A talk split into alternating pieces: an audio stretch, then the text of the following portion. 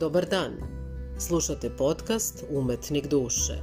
Moje ime je Jelena Stefanović. Ja sam pisac, speaker, producent, osnivač i predsednica Centra za kreativni i umetnički lični razvoj. Na ovom mestu govorimo o spoju umetnosti i psihologije, o razvoju kreativnih potencijala čoveka, uz poseban osvrt na duhovni život pojedinca uz prigodne odlomke iz literature odabrane po mom izboru kao autora i voditelja ovih emisija. Govorimo takođe i o ideologiji, misli, metodama novog doba i razotkrivamo prevaru New Age pokreta. Dobrodošli u novu epizodu podcasta.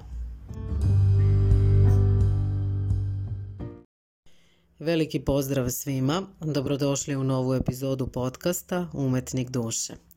Ovu nedelju smo započeli sa jednom jako zanimljivom temom, a tema je bila umetnost i strast, a gde sam u tekstu koji sam poslala svoj newsletter ekipi govorila o tom ukorenjenom mišljenju i stavu da umetnik mora da bude strastan i da pre svega bilo koji čovek ne mora biti umetnik, ne može apsolutno ništa da stvori, niti da postigne određeni uspeh ukoliko ne izgara u strasti, odnosno od strasti, ukoliko ne gori, ukoliko ne žrtvuje sve živo i sebe i slobodno vreme i porodicu i sobstveno zdravlje i tako redom.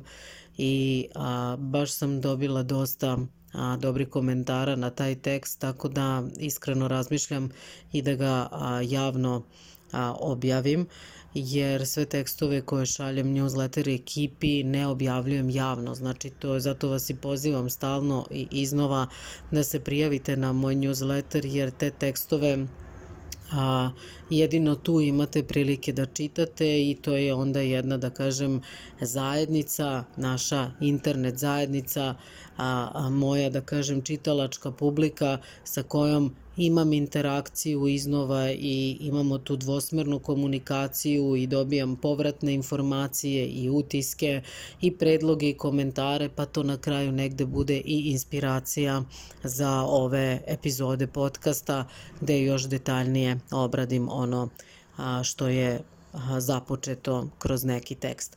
Tako da link za prijavu na newsletter imate ispod ove audio emisije, bez obzira gde god da slušate, da li na nekoj od podcast platformi ili na YouTube kanalu, a dostupno je na Enkoru, na Spotifyu, na brojnim tim podcast platformama, a uvek imate link za prijavu i jedino što je potrebno je da ostavite svoju mail adresu u tom polju gde se mail unosi i da odmah odete u svoj inbox i da potvrdite svoju prijavu kako biste već narednog ponedeljka mogli da dobijete a, novi tekst sa svim tim, da kažem, i informacijama propratnim i tako dalje, a između ostalog spremam još nešto lepo što se već krčka nekoliko meseci unazad, pa nikako da ugleda svetlost dana. E, nadam se da će sad da mi se posreći, tako da eto samo kao onako najava a, i nagoveštaj toga od naredne nedelje. Ha, kao i uvek dobijem inspiraciju na osnovu a, ili nekog komentara ili nekog pitanja ili nekog maila, tako i ovu epizodu podcasta snimam u sličnom duhu i raspoloženju i na stranu što je ova epizoda podcasta negde i logično nadovezivanje na već načetu temu, ali s druge strane, kažem, dobila sam inspiraciju upravo zahvaljujući nekim a, vašim komentarima. Jedan od tih komentara nije bio uopšte ugodan, a na to sam nekako već i navikla na YouTube-u posebno, Ovaj komentar me zadesio na mom Instagram profilu kada sam izbacila jedan kratki video, popularno rečeno Reel, a, gde govorim o kreativnom coachingu, odnosno o radu na sebi kroz razvoj kreativnih a, potencijala i uopšte a, kroz primjenu tog kreativnog izražavanja, znači rad na sebi na taj način i to je nešto čime se bavim poslednjih deset godina, a, vodim rad udruženja i ove edukacije i radionice vodim upravo pri udruženju, a one su dostupne našim članovima. Cilj udruženja je naravno promocija tog kreativnog coachinga, odnosno a primena umetničkog kreativnog izraza u radu na sebi, jer postoje brojne studije a, koje pokazuju, a kažem i moje lično iskustvo i iskustvo svih a, članova, a bilo ih je mnogo, koji su prošli kroz udruženje a, od te 2014. godine, a, koji pokazuju da zaista stvaralački rad, kreativnost, nove ideje, kreativna rešenja, da to zaista leči i izloči čoveka iz jednog stanja besmisla i neke nemotivisanosti i nedostatka entuzijazma a, u životu i tako dalje. Tako da kažem, to je ono a, čime se bavim već a, eto tih nekih deseta godina unazad i onda osvane komentar ispod jednog takvog videa odnosno tog rila, a, gde kaže ti izađe iz New Age-a, ali New Age izgleda nije izašao iz tebe.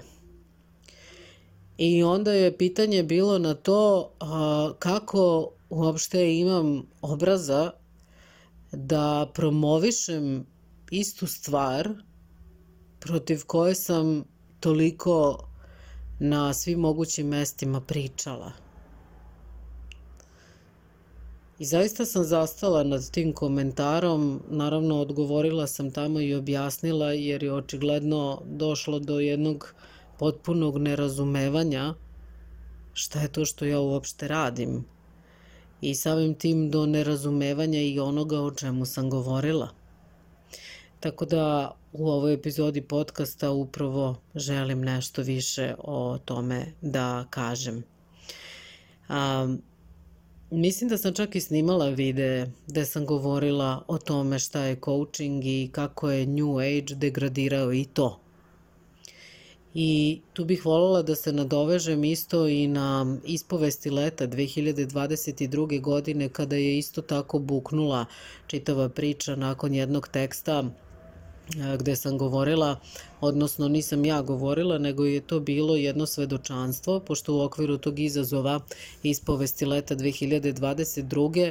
zamolila sam sve koji su bili voljni da u tekstualnoj formi podele svoje iskustvo oko izlaska iz New Age-a sa svima nama, sa tom zajednicom, newsletter ekipom, da mi pošalju taj tekst i naravno ljudi su se odazvali, bilo je tu svakakvih iskustava i zaista je onako bilo čudesno čitati sve to, kakvi su ti putevi bili i kako su se ljudi iščupali iz kanđi svega toga ali jedan tekst je bio, postao je sporan iz jednog prostog razloga što je osoba koja je pisala tu svoju ispovest, navodila je koje sve puteve imala i svašta je nešto prošla, stvarno je bilo onako intenzivno ono čitajući sve to šta je nabrajala, kakvi su bili putevi, što je između ostalog standardni taj put gde čovek samo traga za rešenjima, ali ga nikada ne nalazi, to rešenje nikad ne nađe i zato ja kažem da je to hrčkov točak bez nađa. A, I svako ko izašao iz New može da potvrdi apsolutno istu tu priču. Ja kažem, ova žena je a, pisala o tome i u nekom trenutku je rekla kako je otišla na psihoterapiju a onda je psihoterapeut tog jednog određenog pravca a, preporučila da a, ode da grli drveće, da ne znam, neko duboko disanje koje je ono new agersko, ne ono pravo, o čemu sam takođe snimala podcast. A, I što što nešto još a, iz te, da kažem, palete tih new age metodologija, to je dobila lično kao savet od psihoterapeuta.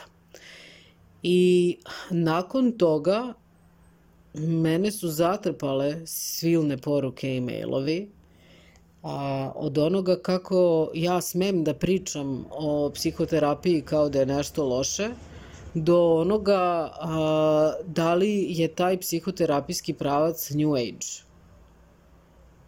I onda sam bila prinuđena po ne znam nija koji put da objašnjavam te finese i razlike, jer psihoterapija je nešto ko prati ove podcaste i tekako može da zna koliko često pominjem značaj psihoterapije.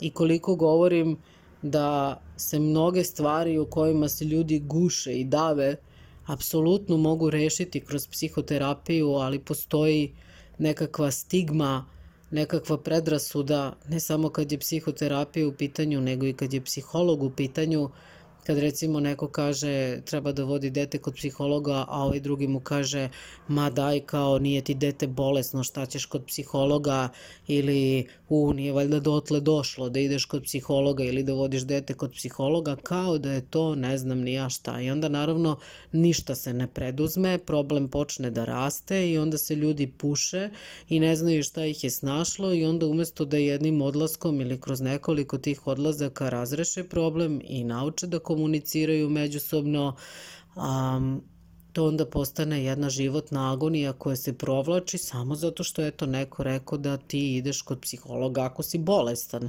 što je a, kruna ljudskog neznanja. Mislim dati takav neki komentar. Na stranu što sam a, i tekako imala prilike da čujem i posvedočim više puta da ljudi ne prave razliku između psihologa, psihoterapeuta i psihijatra.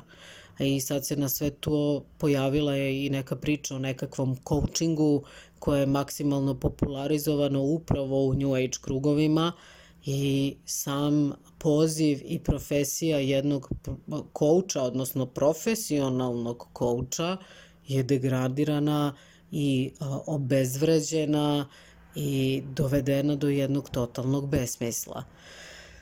Tako da malo sam uh, skrenula onako, u stvari možda nisam skrenula, nisam svakako skrenula s teme, ali malo sam otišla u širinu. U svakom slučaju uh, hoću da kažem da ovaj komentar koji je mene nekako zadesio a, je samo pokazatelj tog neznanja. I ja sam o tome govorila, objašnjavala sam u više navrata kada su me pitali i u raznim gostovanjima da je coaching kao coaching sasvim ok. Coaching isto kao što je psihoterapija ok, nije ok ako odete kod psihoterapeuta koji je naseo i upao u zamku New Age-a, pa vam onda preporučuje takve stvari ili psiholog koji vam preporučuje astrologiju ili tako nešto, znači to je onda ono što nema veze sa naukom, to je onda što je spajanje nauke sa okultizmom, e o tome sam pričala da ne valja. Rekla sam da nauka i okultizam kada se izblendaju zajedno, to je ono što nije dobro, to je ono što New Age radi. A psihologija, psihoterapija same po sebi bez ovih okultističko-ezoterijskih primesa, znači to je sasvim u redu i tekako potrebno posebno današnjem čoveku koji neviđeno mnogo pati od depresije, od anksioznosti, od ne znam nija kakvih emotivnih naboja, nije sposoban da prepozna osnovna svoja osjećanja, niti da da odgovore zašto se osjeća na taj taj način – niti da uspostavi neku normalnu komunikaciju. Koliko puta sam imala prilike da čujem da ljudi koji rade u kolektivima kažu jao, ti ne znaš kako je to toksično okruženje, pa to svako svakog mrzi. Podmeću noge, problem oko mobinga je postao toliko aktuelan, a, znači to je jedno a, nasilje ili verbalno, ili u tom nekom psihičkom smislu da čovek doživi takav pritisak da mu niko nije dao otkaz, nego on sam primoran da ode, jer je na sve moguće načine pokazano da on nije dobrodošao u tom okruženju. I jednostavno taj pritisak ne može da podnese. Prema tome, psihologija, psihoterapija, rad na sebi i coaching – ako nisu zaprljani okultizmom, su i tekako a, poželjna stvar.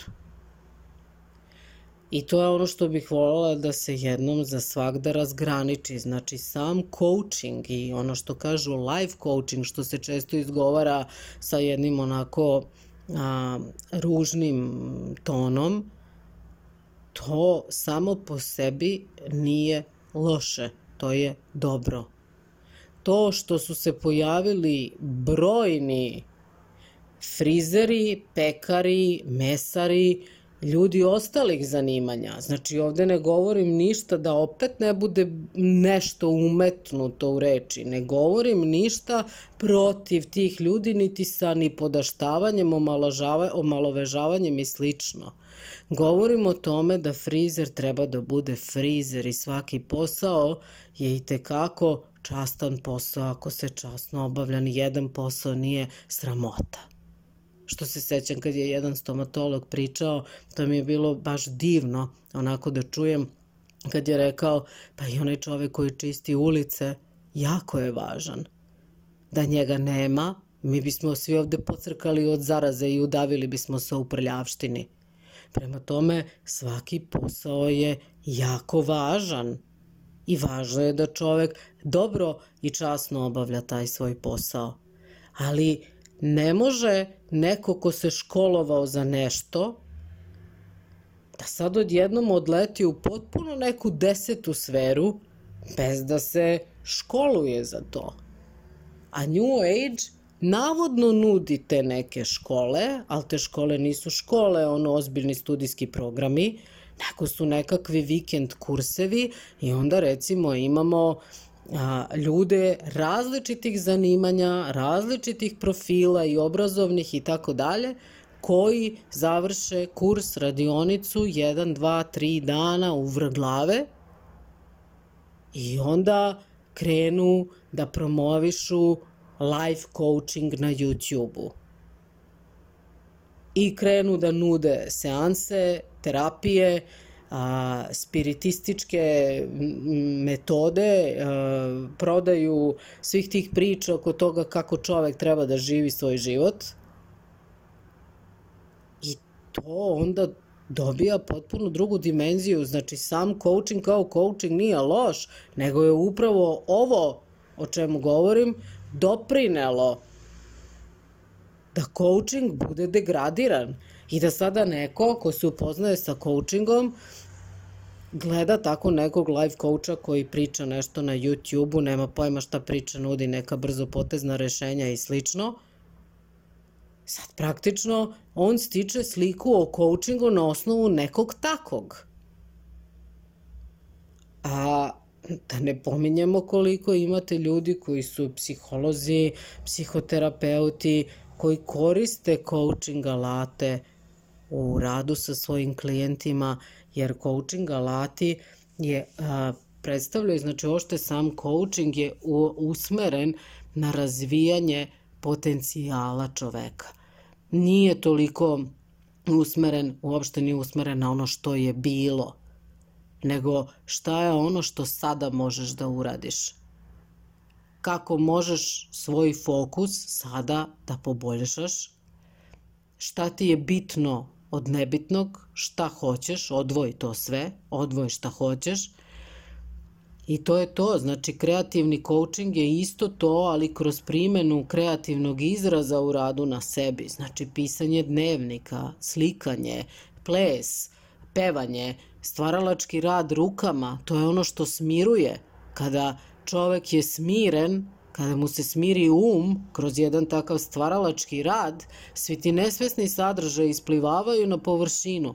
Znate koliko puta se dogodilo, recimo, to nam je posebno bilo aktuelno za vreme korone, ja sam organizovala, odnosno centar je organizovao te radionice art stres terapije, tako smo to nazvali, gde smo zajedno slikali platna, akril, ko je šta imao, bojice, flomasteri i onda se tako povežemo preko Zuma, slikamo, pa malo ćutimo, malo ćaskamo, pa da vidite kako odjednom u toj zajedničkoj atmosferi i tom stvaralačkom zajedničkom radu, kako odjednom ispliva neko sećanje, neki način razmišljanja, pa potom o tome prodiskutujemo, pa to čovek onako iznese na površinu, pa koliko puta te neke svoje negativne emocije pretoči u neke stihove, u neku lepu sliku ili tako nešto, izrazi se na jedan sasvim drugačiji način. Pa onda tu postoje i ono traženje kreativnih rešenja, zato što kreativna rešenja a, su ono što čoveka pomera napred, da iskoči iz tih okvira, jer kreativnost je sama po sebi takva da se uviđaju neke nove veze između onoga što već postoji.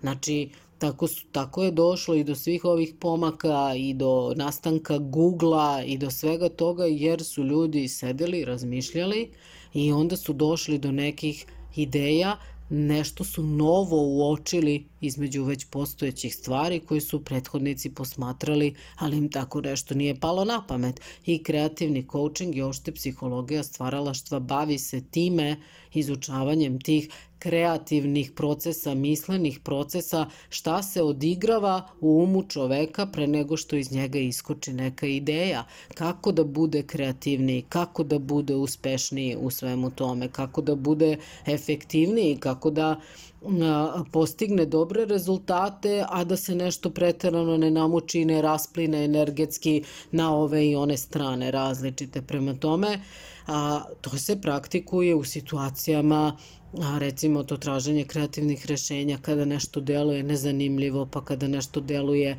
stagnantno a, ili kad je neprogresivno, onda čovjek postavi pitanje, ok, šta sad ovde mogu da uradim drugačije?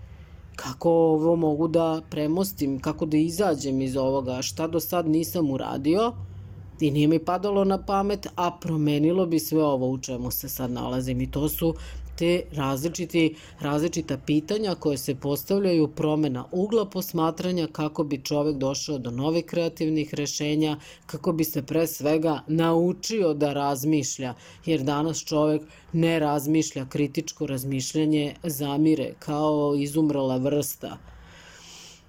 Mi kroz te radionice podstičemo se na kreativno razmišljanje, na tu promenu ugla gledanja, na istraživanje, na buđenje tog e, istraživačkog duha, na pomeranje granica, na odvajanje tog bitnog od nebitnog, fokusiranje na zadatak, na savladavanje odlaganja, zato što neko ima super ideju, a stalno se sabotira, odlaže određene stvari i tako dalje. Pa onda sama jasnoća u vezi sa tim šta hoćemo – Ima ljudi koji su potpuno konfuzni u tim svojim mislima, ne znaju šta hoće i onda naravno ništa ni ne preduzimaju, vreme prolazi, energija postaje učmala i to je to.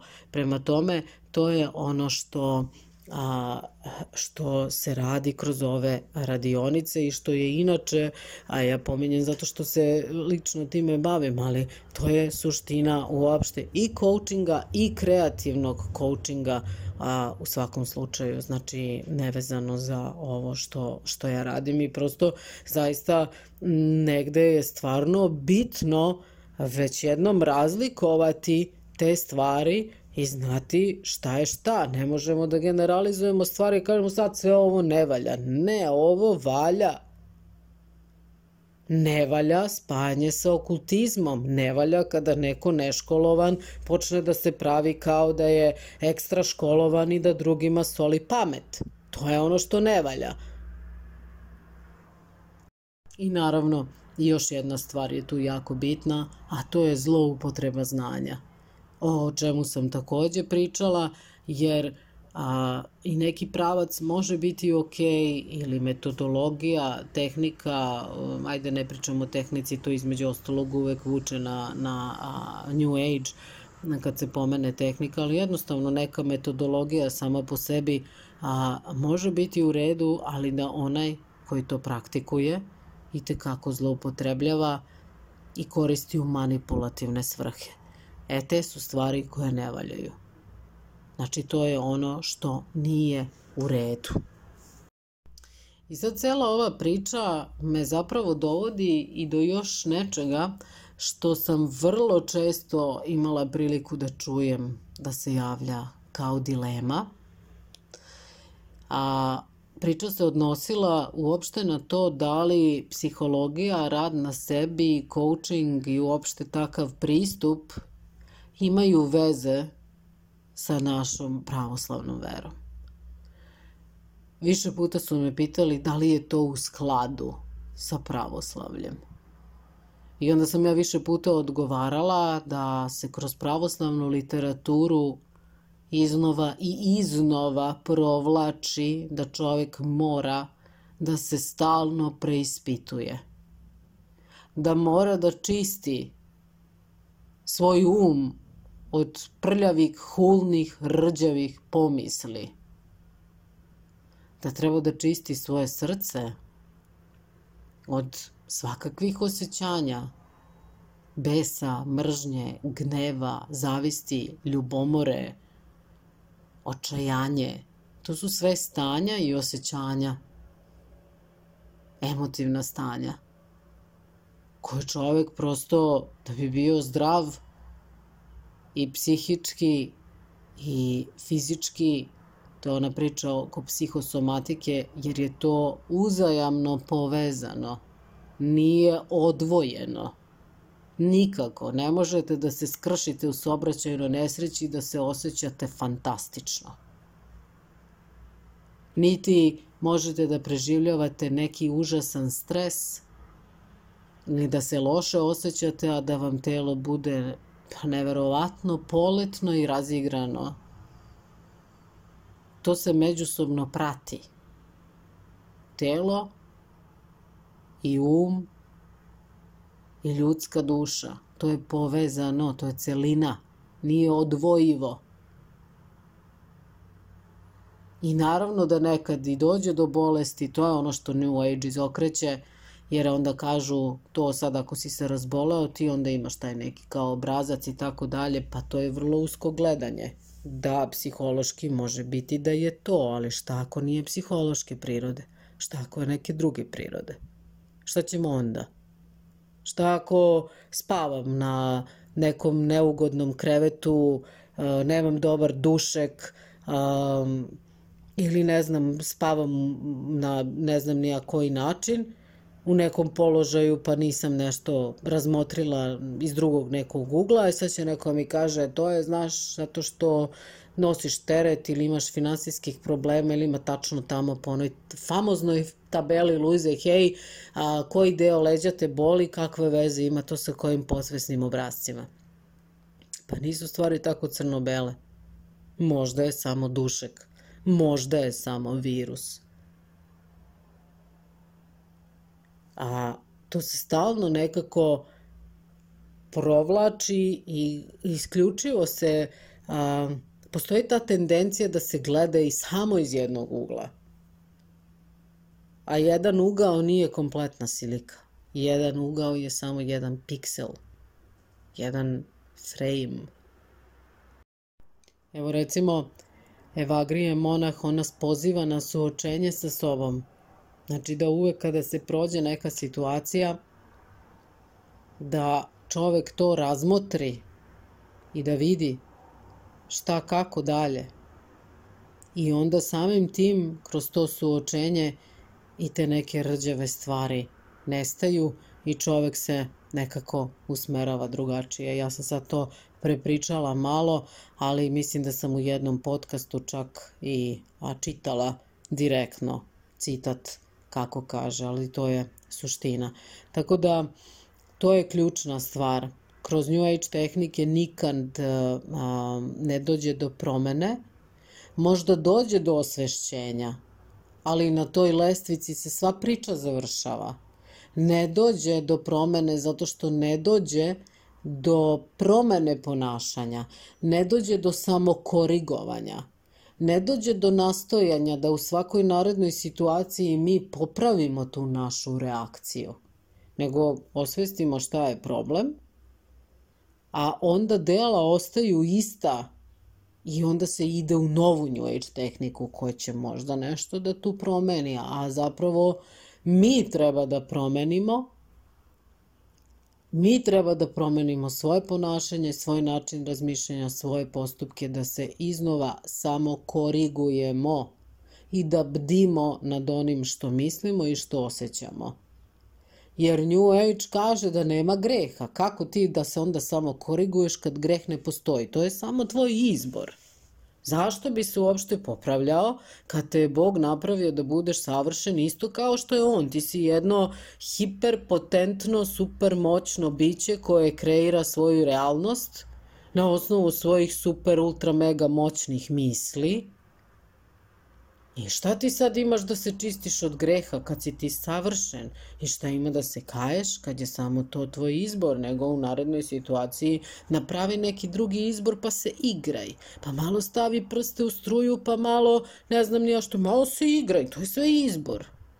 Nema veze. Opet sam ironična i satirična. Naravno da ne treba to da radimo. Ali New Age to uči, uvek možeš da izabereš drugačije. Nema potrebe da se mučiš, da mučiš svoju savest nekakvim pokajanjem i nekakvim mislima da si grešan.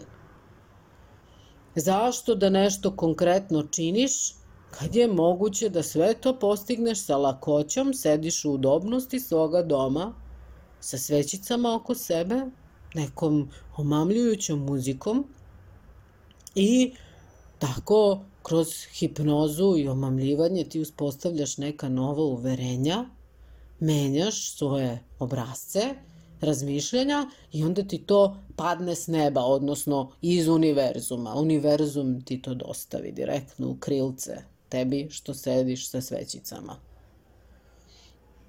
To je New Age filozofija, a rad na sebi je nešto sasvim drugo. Moraš da misliš, moraš da se preispitaš, moraš kao kuca onako njuškicu ono fuj kakano da zariješ i da vidiš šta je to što smrdi i da uzmeš metlicu i da počistiš. I da posle toga uzmeš i menjaš to. Da u svakoj narednoj situaciji imaš znak uzvika i kažeš aha, ček, ček, ček, prošli put sam se zeznuo ovde, e sad neću, daj da vidim kako mogu da uradim drugačije. To je potpuno drugačiji pristup. Ja ću sada da pročitam ovde jedan tekst koji kaže ovako. Bolest dolazi zbog mislenog pada. Čovek treba biti sam svoj lekar. Ako nije tih iznutra, onda mu uzalud svi lekovi i najbolji lekari. Podsvest modernog čoveka je uzburkana kao nemirni okean sa velikim olujnim vetrovima – Podsvest prepuna utisaka čini da duša bude nemirna. Emocije tada ključaju poput erupcije vulkana. Bez rada na emocijama, duhovnost je samo kula od karata. Još jednom, bez rada na emocijama, duhovnost je samo kula od karata. A šta je čovek bez mira u duši? Odvojen od Božje blagodati. Pokušava uzaludno da pronađe utehu u materijalnim stvarima. Tamo utehe nema, to je rupa bez dna. Još, još, da još i na kraju ponovno praznina. Kada duša postane mirno more, tada počinje isceljenje. Zapamtite to, to je zlatno pravilo. Izvor većina bolesti je u duhu, zato duh može pobediti većinu bolesti naravno pisao neponovljivi Nikola Tesla, odnosno pročitala sam njegove reči. Ovo je ključna rečenica sada što sam je rekla, odnosno pročitala dva puta, bez rada na emocijama duhovnost je samo kula od karata. Ne može da bude to prazna reč, nego mora delima, praksom da se spusti u materijalni svet, sve to o čemu pričamo i što tako lepo zvuči. I da to a, primenimo u sobstvenom životu, u svakoj situaciji, u svakom odnosu, a ne ono kao čitamo i kažemo jao vidi što je ovo divno, onda dođe mama pa je nagradimo, onda doće dete pa se izvičemo, a onda ne znam šta pa tu isfrustriramo, izgalamimo, padnemo u ne znam nija šta, očaj, osudu, bes, u šta već i šta, džaba nam cela filozofija. Duhovnost kao kula od karata. Onda takođe isto u pravoslavnoj literaturi se često govori i o uticaju porodičnog nasleđa na čoveka. Ja sam konkretno um, iz knjige koja se zove Pouke Svetog Arsenija Boke, a to je bio isto sastavni deo one Jelenine online čitaonice, pa možete da potražite podcast baš gde se priča o tom porodičnom nasleđu, gde sam čitala delove iz knjige Tako da je zaista onako korisno i prosto ne može čovek da zatvara oči pred tako nekim stvarima i da sad sve ne zove a kao to je new age, to je opet onda a, sabotiranje. Znači sad ćemo to sve da nazovemo što valja kompletan rad na sebi, rad na emocijama i sve to ćemo da nazovemo da ne valja i onda ćemo da ostanemo u neznanju i da teramo svoju priču. Pa to je ista, ist, ista druga samo strana novčića, ista stvar. Prema tome, istina je ta koja oslobađa. I jednostavno, a, čovek ako je uporan da skloni sve te iluzije iz svoje glave i da koliko god može i koliko mu je dato da proširi tu svoju sliku i da uradi ono što je u njegovom domenu, ono što je u njegovoj moći. To nikada ne može biti pogrešno. I konačno, htela bih da pročitam ovde i da a, podelim takođe sa svima vama koji možda niste na mom newsletteru završnicu, odnosno ono čime sam završila tekst a, koji sam slala u ponedeljak. Sad ću baš da vam pročitam jedan deo koji se odnosi na to stvaranje bez strasti. I upravo sam kroz ovaj deo teksta i odgovorila na pitanja koje sam dobijala. A pitanja su se odnosila na to kako dalje ako se uguši strast zašto je uopšte strast loša i to su isto bila pitanja, tako da zato sam se i osvrnula na ovu temu i negde je spojila sa ono čime se bavim i u čemu sam ceo život, bukvalno. Tako da sam ovaj, evo ovde odgovorila ovako. Šta će te pokretati ako ne ta vatrica u stomaku i celom telu? Pokretaće te tvoja upornost vrednoća i trud koji ulažeš, zalaganje, istrajnost, kontinuirano učenje i pomeranje sobstvenih granica. I pazi sad, ključne reči ovde su disciplina i posvećenost. Jer disciplina te mrda napred kada ponestane motivacije. To je tvoj unutrašnji resurs i motor koji radi i kad svi spoljašnji vetrovi u leđa prestanu da duvaju. Disciplina podrazumeva sklanjanje samog sebe sa sobstvenog puta, jer tu si i kad te mrzi, kad nemaš volje, ne vidiš smisao, kad nemaš nikakvu nadoknadu za to što radiš, a nemaš ni podršku, ali ti uprkos svemu ideš dalje a posvećenost je ništa drugo do odraz postojanja straha Božjeg u tebi. Znaš da nije tvoje to što imaš i čuvaš ga, pa kud puklo da puklo. I zahvalnosti gospodu što je baš tebi poverio to zrnce dragocenosti da ga nosiš kroz oluju ovoga sveta. Vidiš, tanka je granica opet, liči na strast, ali nije. To je samo drugo, ono pravo lice stvaralačke tajne. Prihvati svoj dar i uradi pravu stvar sa njim. To je tvoj lični pečat. I ovim rečima sam bila završila tekst a, i a, evo sad isto pred kraj mogu još nešto da, da se nadovežem. Naravno, pozivam sve da se prijave na moj newsletter, jer kažem, ovo je jedinstvena prilika a, odnosno taj newsletter je jedinstvena prilika da čitate moje tekstove, da imate interakciju sa mnom, da mi dajete predloge, sugestije, da dobijam povratnu neku od vas i pre svega kažem ja a, spajam a, umetnost, psihologiju, duhovnost, znači te teme obrađujem naravno uvek uz osvrt ovaj na ideologiju novog doba. Tako da što šta nešto tu a, može i e, da se novo i čuje i nauči i to je ono što nam je suština priče, to proširenje tih vidika i da naučimo da razmišljamo i da ne prihvatamo te neke stvari a, onako zdravo za gotovo što bi rekao naš narod.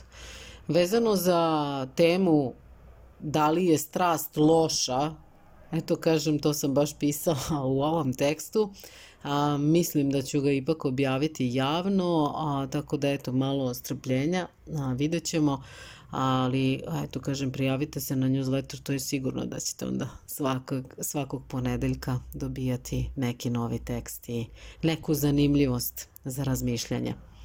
Završavam ovu epizodu podcasta sa jednom molitvom koja mislim da postoji u svakom molitveniku u okviru onih jutarnjih molitava koje čitamo, koja se zove završna molitva pre Svetoj Bogorodici. Presveta vladarko moja Bogorodice, svojim svetim i svemoćnim molbama odagnaj od mene smernog i bednog sluge Tvoga, mrzovolju, zaboravnost, nerazumnost, nerad i sve nečiste rđave i hulne pomisli iz jadnog srca mog i iz pomračenog uma mog i ugasi plamen strasti mojih, jer sam ubog i jadan. Izbavi me od mnogih i gorkih uspomena i poduhvata i oslobodi me od svih zlih delanja, jer si blagoslovena od svih naraštaja i slavi se prečasno ime Tvoje kroz sve vekove. Amin. Dok sam čitala ovo, namerno sam podvukla ovaj deo ugasi plamen strasti mojih. A i ovaj deo oslobodi me od a, izbavi me od mnogih i gorkih uspomena i poduhvata. Pa šta je drugo čovek zarobljen u prošlosti nego rob? A koliko puta naš kreativni potencijal bude zarobljen ili u prošlosti ili u nekoj budućnosti koja se nikada još do sada nije dogodila. Nego je samo proizvod nekih naših pretpostavki, kalkulacija našega uma, koji opet vidi samo jedan deo, a nikad celu sliku, i koji sve te pretpostavke izlači na osnovu onoga što smo naučili, na osnovu onoga što smo iskusili, pročitali, videli, složili se s tim ili se ne složili i onoga što trenutno opažamo kao produkt svega toga. Ono što sam zaboravila da kažem jeste da ću narednog ponedeljka a, poslati link a, Tu će biti snimak jedne od radionica od prošle godine što smo imali. Podelila sam na Instagram nalogu Umetnik duše svega 10 minuta jer ne mogu više da podelim na Instagramu a toga, pa eto možete da pogledate, znači Instagram nalog Umetnik duše, a tu je 10 minuta toga kako je započelo tada to jutro i ta radionica i da prosto imate neki uvid kako izgledaju ta naša jutarnja kreativna druženja, teme za pisanje dnevnika i uopšte predavanja. Tako da, eto, kažem, to ćete dobiti ukoliko ste deo newsletter ekipe, link da to pregledate i sigurna sam naučite nešto novo i podstaknete sebe na razmišljanje i introspekciju. Do naredne epizode podcasta puno pozdrava i svako dobro od gospoda želim.